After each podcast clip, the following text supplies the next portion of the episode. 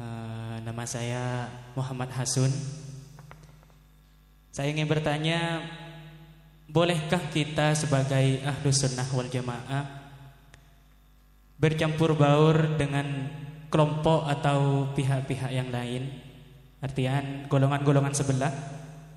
Jika diperbolehkan, seperti apa bentuk toleransi kita terhadap mereka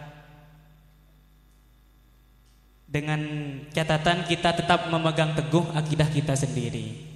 Seperti itu. Sekian, Assalamualaikum warahmatullahi wabarakatuh. Uh, langsung saja ya. Toleransi itu adalah ajaran Islam ya, ajaran ajaran agama kita. Tapi lingkupnya hanya dalam muamalah saja. Dalam interaksi sosial, tidak lebih dari itu. Jangankan berinteraksi dengan sesama umat Islam yang berbeda aliran itu ya. Dengan orang kafir pun kita diajarkan oleh Kanjeng Nabi untuk toleran. Sampai dalam satu hadis beliau mengatakan man adza dzimmiyan faqad adzani. Siapa saja yang menyakiti orang kafir dzimmi, orang yang orang kafir yang dalam tanggungan perlindungan umat Islam, maka dia sama saja dengan menyakitiku. Nah, ini ya. Jadi ini satu.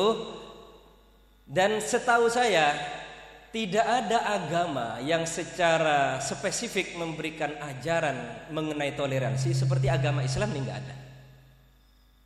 Jadi agama kita ini memang luar biasa.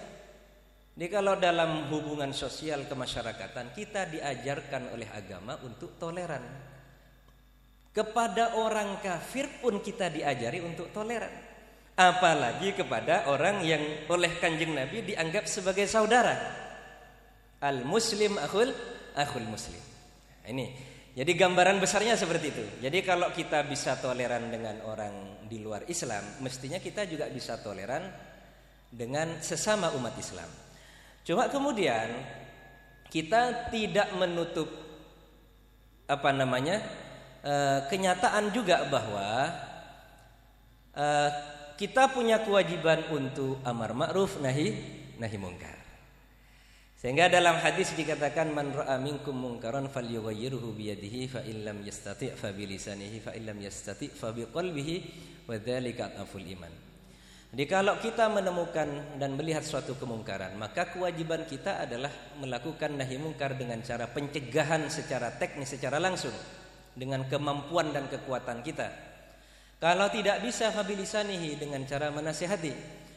Kalau tidak bisa maka kita cukup ingkar bil. Sehingga dalam hal ini ya, ketika kita mendatangi suatu tempat atau suatu perkumpulan di mana di sana ada kemungkaran, maka kewajiban kita adalah memperbaikinya. Kalau tidak bisa, maka kita harus keluar. Kalau memang meninggalkan itu tidak bisa, maka minimal adalah ingkar ingkar bil Nah, itu satu. Yang nomor dua, kita juga diajari untuk mencari teman yang baik nah, dan menghindari teman yang buruk.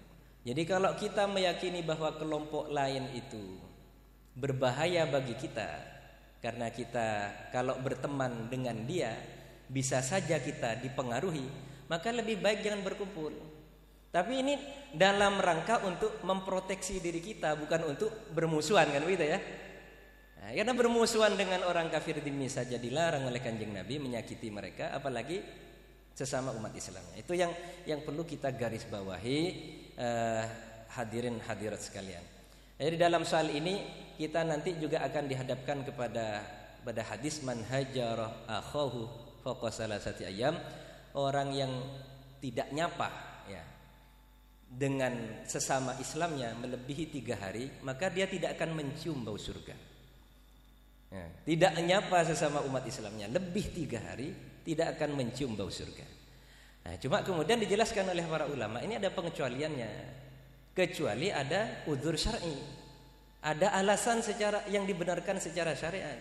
Umpamanya kalau saya berteman dengan itu, saya bukannya bukan bukan malah mereka ikut kami malah nanti kita yang akan eh, terpengaruh. Nah, itu salah satu alasan. Yang nomor dua, kalau saya berkumpul dan menyapa dengan itu, nanti saya akan diajak berbuat eh, kemaksiatan dan seterusnya. Ini di antara sebab-sebab syar'i yang oleh para ulama dianggap sebagai pengecualian dari hadis man hajara akhahu fawqa salasati ayam dan seterusnya. Jadi secara keseluruhan toleran itu ajaran Islam, tapi juga ada batasan-batasan yang nanti acuannya adalah kepentingan agama kita. Ya demikian.